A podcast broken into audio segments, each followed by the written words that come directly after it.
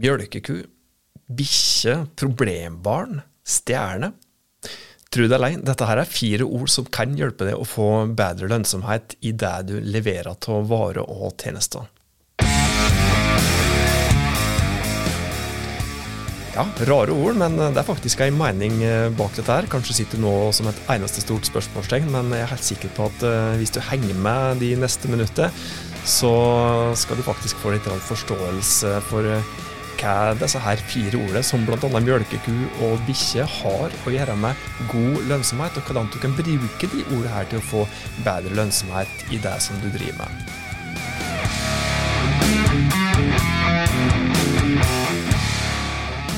Da sier vi hjertelig velkommen til Hauspodden igjen. Dette er podkasten for det som ønsker enkle, men effektive tips til hvordan du kan ta gode grep for å nå strategiske firmamål, og det sjøl om du ikke har mange, mange millioners budsjett eller verdens største støtteapparat i ryggen.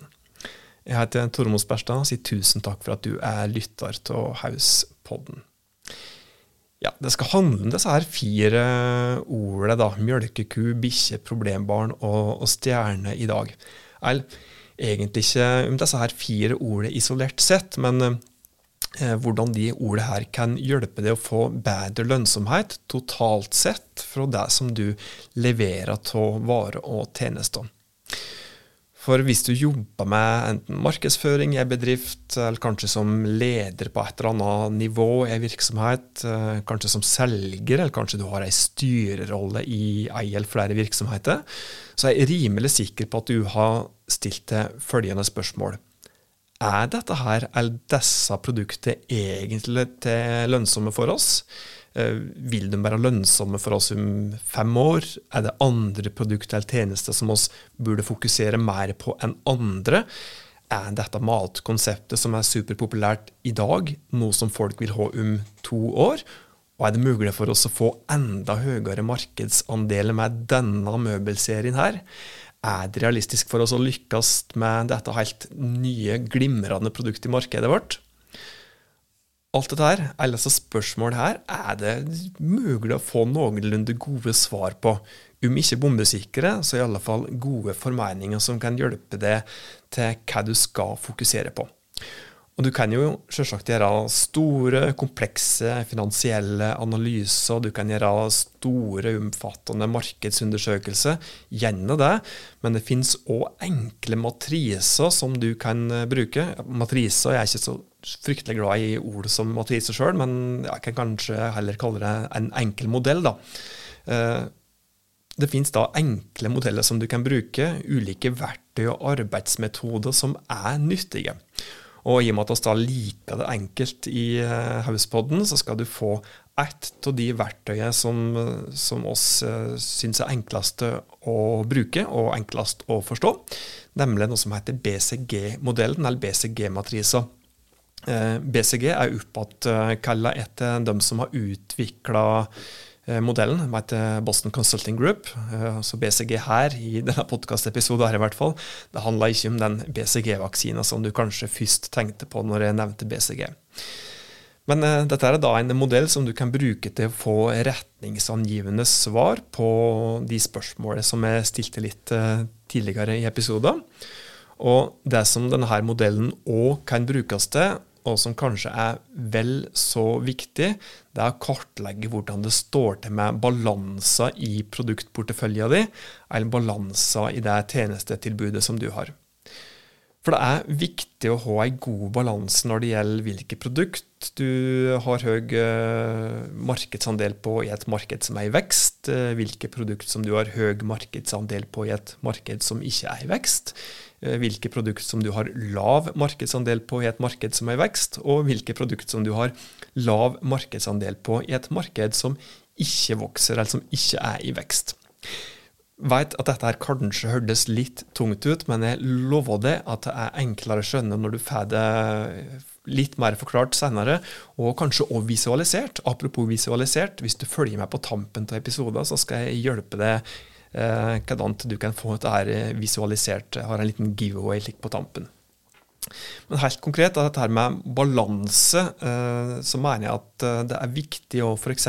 ikke bare ha produkt som du tjener godt på i dag, fordi at du har høy markedsandel, eh, men der markedet kanskje da vokser svært lite, eller kanskje ikke i det hele tatt.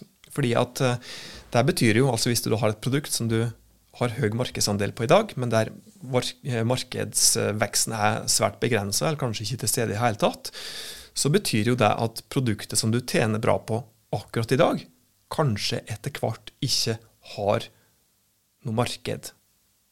Eller noe verdt eh, ja, som, som, ikke har noe livets rett framover. Og det er dette som vi mener med ordet mjølkeku eller cash cow som originalordet for denne BCG-modellen. da. Og Da skjønner du kanskje litt av sammenhengen med tanke på de fire ordene som jeg nevnte innledningsvis. Så kan du si litt mer om eh, mjølkekuproduktet, eller mjølkekutjenestene dine. da. Hva er det som mener med dette her? Eh, hvis du kun har produkt som du har bra markedsandel på i dag, men markedet ikke er i særlig vekst, og en kanskje kan tenke seg at vekstpotensialet heller ikke er til stede i vesentlig grad, så er ikke det bra.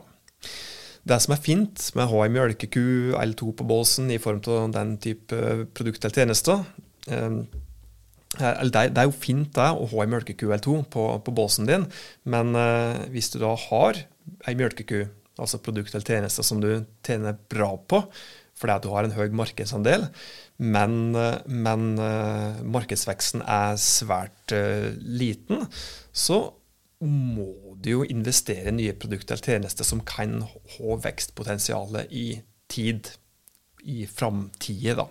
Så ja, fint å holde en mjølkekue på bolsen, men du må investere i nye produkter eller tjenester som har vekstpotensial òg, der markedet kan vokse. Og det er der de andre ordene som jeg nevnte òg kommer inn i bildet. Eh, bikkje, altså hund, problembarn og stjerne. Og bikkje her, hund, det er et produkt eller tjeneste der du har lav markedsandel, og der markedet for produktet vokser svært lite, eller kanskje òg stagnert eller gått tilbake. Og hvis du da har mange produkter der, eller tjenester som da er i den hund-kategorien, der du da har både låg markedsandel og der markedet ikke er i vekst, det er noe som du definitivt ikke ønsker. Du ønsker ikke å ha så mange eller alle produkter i den hundkategorien. For dette er gjerne den delen av BCG-modellen der produktene dine etter hvert avgår med døden. Så det å ha mange produkter eller tjenester i den kategorien der, det er ikke bra. Problembarnet, som det er et av de andre ordene, det er et produkt der du har lav markedsandel, men der markedsveksten er høy. Dette her blir kalla for problembarn, eller enkelte kaller det også for spørsmålstegnprodukt, fordi at dette gjerne er, ja, fordi at det gjerne er en del usikkerhet rundt hva du skal gjøre med dette her produktet her, eller den tjenesten her.